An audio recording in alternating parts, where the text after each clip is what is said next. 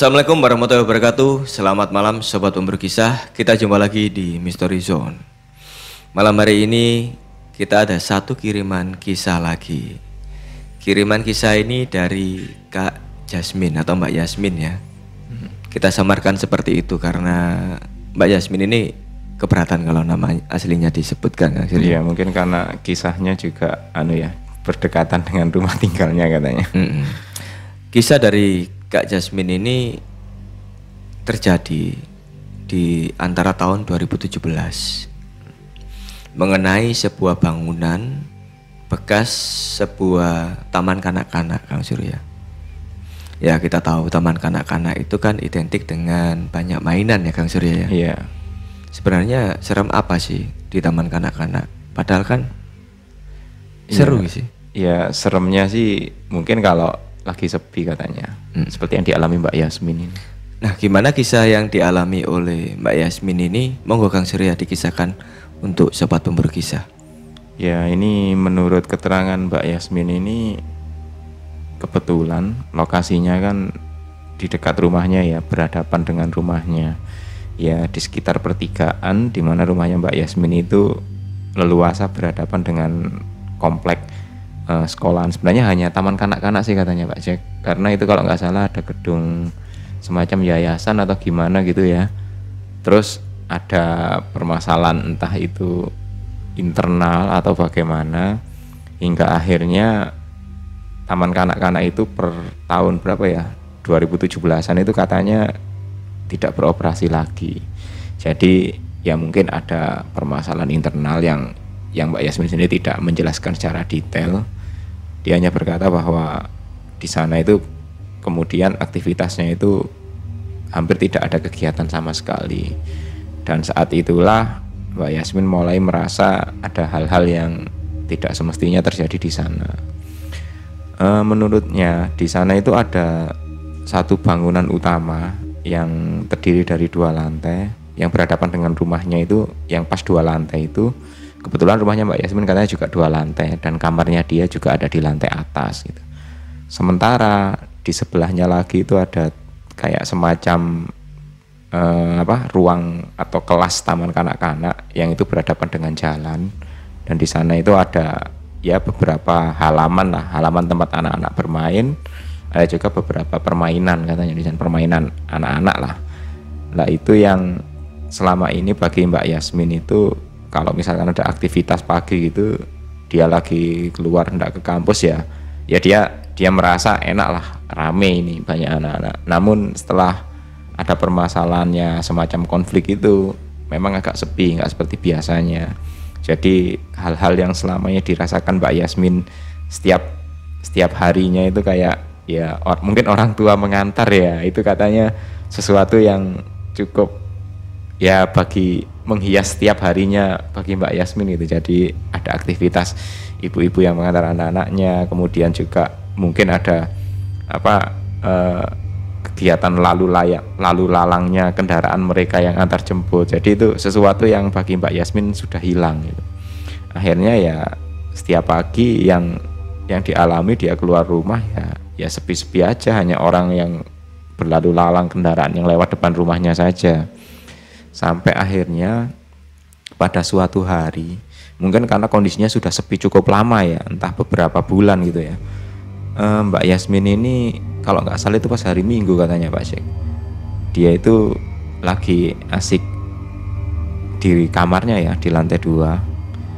Itu dia itu mendengar ada keributan di bawah ya keributan ini seperti apa Mbak Yasin? Masih belum belum menyadari sepenuhnya. Tapi khawatirnya dia itu ada kejadian kriminal atau mungkin apa dia itu segera turun untuk mengecek ke halaman depan rumahnya sampai ke jalan raya.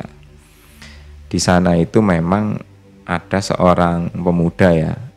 Dia itu ketemu dengan warga kemudian infonya diteriaki maling atau gimana gitu karena dia itu lari keluar dari tempat yang sudah cukup lama ditinggalkan itu atau tidak ada aktivitas itu. Dia lari kemudian diamankan oleh warga. Namun anehnya ketika diinterogasi dan dan hendak apa ya hendak mungkin di dihajar oleh warga itu mereka warga juga ragu karena uh, pemuda ini ya usianya masih seumuran dengan Mbak Yasmin lah mungkin lebih muda katanya uh, pemuda ini pertama dari segi uh, pakaiannya itu ya sepertinya bukan bukan anak-anak yang berandalan gitu lah karena pakainya ya ya biasa seperti ABG seperti umumnya cuman yang membuat mereka curiga anak muda ini keluar dari gedung sambil berlari itu ya khawatirnya membawa sesuatu barang atau gimana akhirnya diamankan oleh warga. Nah di sana itu wajah wajah pemuda ini cukup pucat, ketakutan. Saat itu dia itu diinterogasi warga itu sama sekali tidak tidak menjawab apa yang ditanyakan warga. Dan bahkan sama orang-orang akhirnya kan jengkel toh. Pemuda itu sempat berkata bahwa saya sebenarnya ada teman pak di sana, teman saya tertinggal di sana. Ya warga akhirnya bingung. Loh maksudnya apa? Ceritanya gimana? Kamu habis habis ngambil atau habis nyolong atau gimana ini? Enggak pak kendaraan saya loh saya parkir di pojokan sana. Kebetulan saya tadi itu sama teman iseng-iseng ya biasanya sih memang sering kan pagarnya kan dibuka sering main-main ke sana. Jadi mungkin uh, pemuda ini setelah diinterogasi dia itu bercerita bersama temannya itu memang sering kalau hari-hari tertentu itu ya masuk ke halaman sekolahan itu. Di sana kan ada kayak ayunan ayunan anak-anak ya tapi sebenarnya bukan bukan untuk remaja sih. Kadang mereka itu ya iseng-iseng main di sana. Ya istilahnya menghabiskan hari atau gimana ya. Pemuda itu bercerita bahwa temannya itu masih tertinggal pak di sana. Karena kebingungan orang-orang ini pun ya sudah ayo kamu tetap di sini antarkan. Biar ini teman-teman yang nyari temanmu. Atau kalau perlu kamu antarkan di mana temanmu. Hanya orang-orang ini pun datang ke sana ya yaitu mungkin ya ada yang penjual makanan atau juga tetangganya Mbak Yasmin sendiri mereka itu berdatangan ke sana. Dan memang sih pagarnya kan nggak pernah dikunci karena ibaratnya walaupun sudah cukup lama ditinggal pagar untuk masuk ke halaman taman bermain itu nggak pernah dikunci hanya ruang-ruangnya bangunan saja yang dikunci. Dan di sana itu ternyata ada salah satu teman pemuda ini kebetulan ternyata cewek. Jadi dia itu meringkuk di salah satu sudut di selasarnya taman kanak-kanak itu ya dalam kondisi yang sudah ketakutan gitu. akhirnya diamankan oleh warga ternyata ya kebiasaan mereka itu kadang-kadang itu duduk di ayunan mainan taman kanak-kanak itu jadi entah apa yang dilakukan mungkin ya dugaan warga itu ya mereka biasanya anak muda kan pacaran di sana Pak Cek mungkin karena tempatnya sepi terus ada ayunannya pula apa ya uh, dia itu tertutup pagar yang tidak terlalu tinggi. Jadi bisa orang itu bisa leluasa main ke sana. Karena biasanya memang ada beberapa pemulung itu juga masuk-masuk ke dalam. Jadi walaupun nggak ada terlalu banyak sampah yang bisa diambil gitu. Ya setelah diinterogasi warga katanya mereka berdua itu lagi asik duduk-duduk berduaan gitu. Tiba-tiba di sekelilingnya itu muncul banyak sosok seperti anak kecil. Cuman apa yang mereka lakukan dan siapa mereka itu dua orang muda ini tidak tidak menyadari karena selama ini biasanya ya ya mereka lewat situ mereka pikir kan nggak ada aktivitas lagi di sana dan sosok-sosok anak kecil itu mengerubuti mereka dengan wajah yang seperti mengancam gitu, mengintimidasi gitu. Dan anehnya temannya yang cewek ini tiba-tiba menangis dan ketakutan. Lah si cowok ini melihat kondisi seperti ini bukannya malah nolong teman ceweknya, dia malah lari. Lari itu maksudnya mencari pertolongan ke warga. Tapi ternyata sama warga dikira ya mungkin habis ngambil sesuatu lah dari halaman yang yang ada di sana. Ya, akhirnya setelah diamankan oleh warga ya mereka akhirnya ditolong lah, ditolong dan mungkin uh, dibawa ke Pak RT atau gimana supaya tidak tidak beraktivitas seperti itu lagi di sana. Ya bagi Mbak Yasmin itu sesuatu yang ini kok kok tumben ya siang bolong begini tempat ini kok tiba-tiba muncul keanehan gitu. Dan itu berlangsung sudah beberapa waktu yang lalu kata Mbak Yasmin. Dan nggak lama kemudian apa yang dialami oleh kedua pemuda-pemudi tadi itu dialami sendiri oleh Mbak Yasmin. Pada suatu malam, Mbak Yasmin kan memang sering beraktivitas di dalam kamar ya. dia itu entah lagi mengerjakan sesuatu atau mungkin lagi asik dengan kegiatan malam hari itu dia memang nggak bisa tidur pada waktu malam itu dan kondisi di luar itu sudah cukup sepi ya ibarat kata uh, sudah sudah menjelang tengah malam lah. Di luar itu cukup sepi. Dan Mbak Yasmin ini merasa ini suasana kok tumben nggak seperti biasanya. Padahal jalan jalan di depan rumah itu walaupun bukan jalan raya itu selalu saja ada aktivitas. Entah itu motor lewat atau mungkin ya penjual makanan yang lewat. Tapi di malam itu tidak ada sama sekali suara orang-orang aktivitas di jalan depan rumahnya.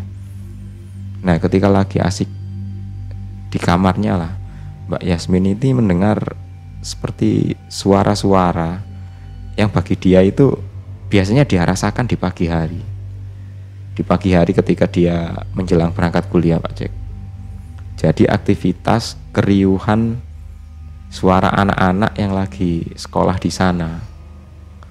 Ya Mbak Yasmin ini antara takut tapi juga penasaran. Dia ini terus dia mendengarkan ini sebenarnya suara apa ya? Dia memastikan bahwa itu memang kondisinya malam dan dia juga tidak bermimpi gitu. Karena khawatirnya dia akan bermimpi atau merasa halusinasi gitu ya dia memastikan kepada dirinya bahwa itu memang kondisinya sudah malam hari dia juga sempat menelpon temannya gitu menelpon temannya tapi karena mungkin temannya sudah istirahat jadi ya tidak terjawab tapi Mbak Yasmin sempat mengirim pesan ke temannya bahwa aku kok malam ini mendengar sesuatu yang nggak beres ya di depan rumah. Padahal di depan rumah itu kondisinya sudah kayak gini gitu. Jadi dia itu mengirim pesan ke temannya. Harapannya temannya itu menimpali atau membalas lah. Jadi dia itu ada teman gitu. Tapi kok nggak dibalas-balas sama temannya. Akhirnya ya Mbak Yasmin pun membiarkan ponselnya HP-nya dia itu coba iseng-iseng keluar ke apa e, teras lantai dua rumahnya ya kebetulan kan berhadapan dengan bangunan yang dua lantai ya. Dia melihat di sana ya lampunya tetap padam. Tapi ketika dia melihat uh, halaman sebelahnya di mana di situ ada kelasnya anak-anak TK juga ada beberapa mainan. Ya mungkin kayak uh, ayunan terus mainan-mainan anak sederhana yang perusutan itu. Dia itu melihat ada beberapa sosok yang lagi asik bermain di sana. Nah ini Mbak Yasmin ini penasaran itu siapa ya kok anak-anak malam-malam ini main apakah anak kampung sini tapi ya nggak wajar sekali di tengah malam yang sepi seperti ini anak-anak itu bermain. Dan Mbak Yasmin ini berusaha menamatkan dari lantai dua ini wajah-wajah mereka itu siapa sih? Apakah itu memang bocah-bocah yang dia kenali, mungkin anak tetangga atau mungkin siapa? Walaupun dengan jarak yang seharusnya bisa dilihat oleh Mbak Yasmin ya. Biasanya kalau dalam kondisi pagi normal gitu memang dia bisa melihat dari lantai dua itu walaupun tidak tidak terlalu jelas lah. Tapi dari postur dan wajah itu dia sudah tahu oh ini anak cewek oh ini anak cowok gitu ketahuan dari lantai dua. Tapi malam itu mungkin ya karena di sana pertama tidak ada penerangan katanya karena lampunya sudah padam semua. Hanya Mbak Yasmin ini melihat di kegelapan itu dia hanya melihat bayangan anak-anak yang dia tidak tahu apakah itu laki atau perempuan. Jadi ada beberapa gitu ada yang bermain perusutan ada yang bermain ayunan tapi yang didengar Mbak Yasmin itu suaranya adalah suara anak-anak yang ya antara laki-laki sama perempuan.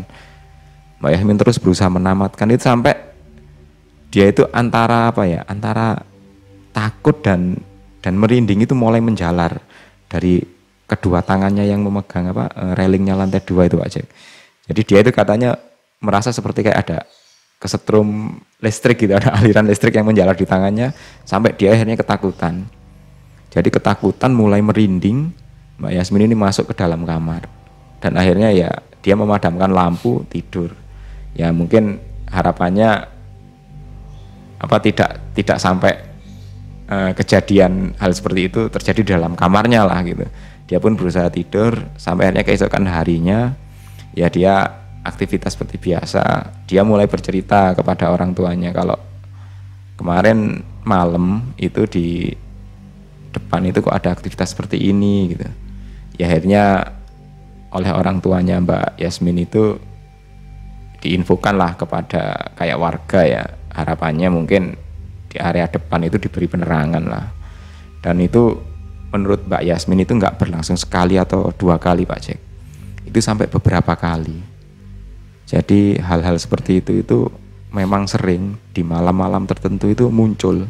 Jadi ada ada aktivitas anak-anak bermain walaupun sudah diberi lampu penerangan. Dan tetap saja Mbak Yasmin itu uh, dia itu berusaha menyaksikan itu wajah-wajahnya itu tidak tidak terlihat. Hanya seperti sosok yang memang atau bayangan gitu ya. Tapi menurut warga ada salah satu itu yang kebetulan melintas ke sana. Itu juga merasakan hal yang sama Pak Cek. Tapi kalau yang dirasakan warga ini hanya mainannya saja yang kayak bergerak-gerak gitu. Tapi tidak ada sosok atau anak-anak yang bermain di sana.